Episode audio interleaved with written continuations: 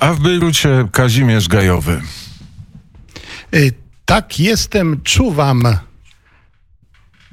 Czuwam i chcę teraz powiedzieć troszeczkę więcej o tutaj naszej historii Radia Wnet e, w ogóle e, w Bejrucie, studio Bejrut. E, Wbrew pozorom to e, nie nowość, że jest polskie radio, polskie studio w Bejrucie. E, Takie rzeczy już e, były i przypomnę chociażby, że w czasie II wojny światowej dla Polaków e, będących tu w Libanie i na Bliskim Wschodzie e, było specjalne radio e, w stacji francuskiej e, Orient e, Radio, gdzie między innymi po raz ostatni w życiu na falach eteru e, no, powiedział swoje e, słowa e, generał Władysław e, Sikorski. Ale nie tylko chcę dzisiaj mówić o e, tutaj e, powiedzmy radiu, które w Libanie jako Radio Wnet e, zagościło przede wszystkim z powodu pielgrzymek.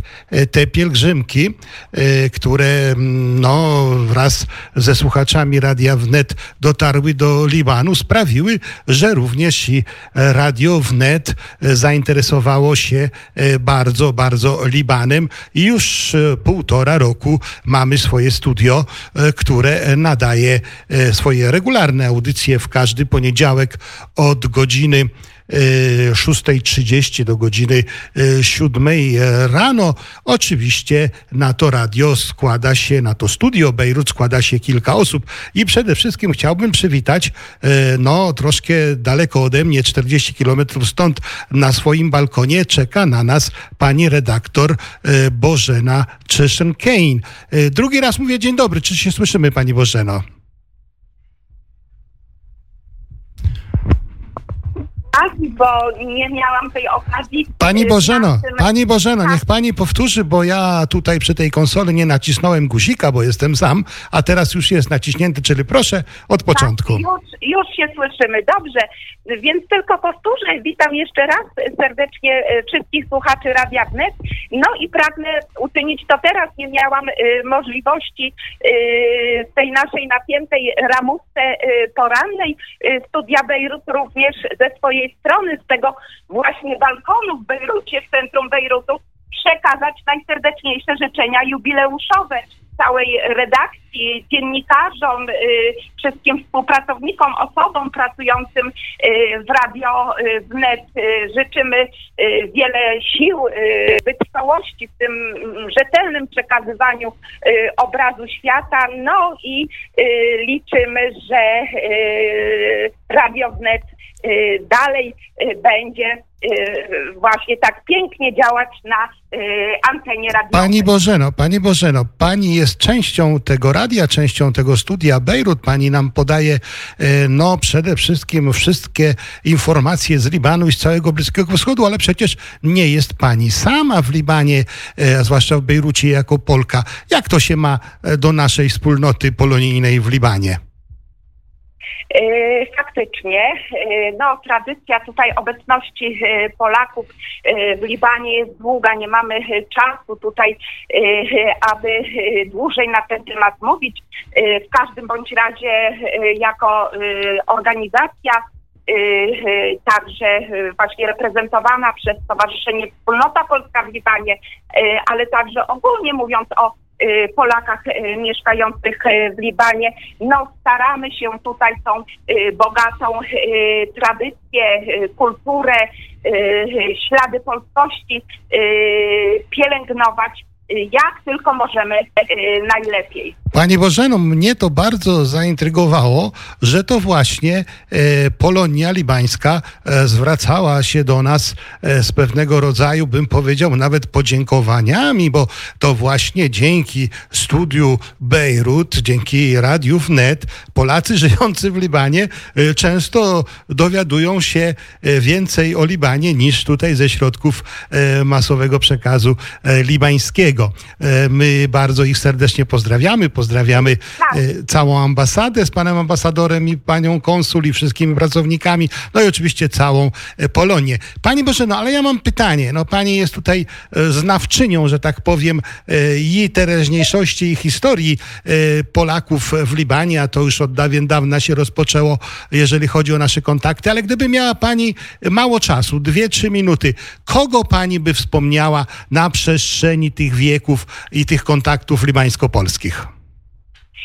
E, No, z racji e, swojego e, wyuczonego, że tak powiem, zawodu, bo jestem absolwentką studiów polonistycznych, no dla mnie tutaj taką wyjątkową osobą, która była, gościła na ziemi libańskiej, to oczywiście Juliusz Słowacki e, i tutaj jego pobyt e, na ziemi libańskiej.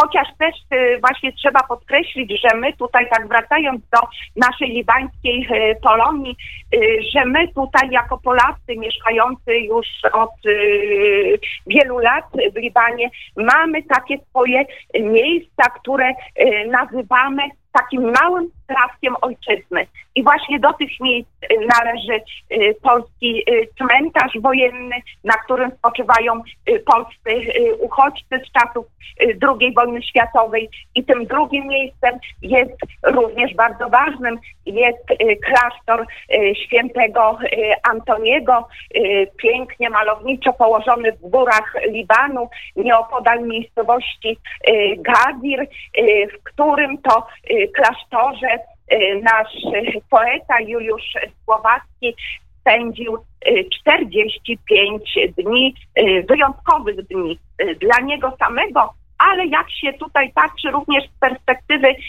historii, był to również czas wyjątkowy dla późniejszych pokoleń Polaków, którzy znaleźli się na ziemi libańskiej. Słowacki, jeszcze jeśli mogę tutaj e, e, dwa słowa o nim powiedzieć, e, jako właśnie romantyk zapasjonowany e, wschodem podczas tej swojej właśnie podróży romantycznej zwiedził e, Grecję, Egipt, Ziemię Świętą i w końcu poprzez Damaszek konno e, wraz z przyjacielem Zygmuntem, Zenonem, przepraszam, Brzozowskim e, przybył do e, Bejrutu. A pięknem tej libańskiej ziemi już, że tak powiem, od pierwszego wejrzenia był zachwycony i zauroczony. I tutaj może sobie pozwolę króciutko sięgnąć, czy oddać głos samemu poecie, który tak pisał w swoich listach do matki. Teraz zajechałem do kraju, w którym najpiękniejsza wiosna. Jedne drzewa nie straciły zieloności, drugie się w nią teraz ubierają. Migdały pruszą kwiatem, słońce pyszne. Słowem jest to prawdziwie ziemia obiecana. No piękne słowa, prawda? I budujące też dla nas y, Polaków, kolejnego już pokolenia Polaków mieszkających y, na y, ziemi libańskiej.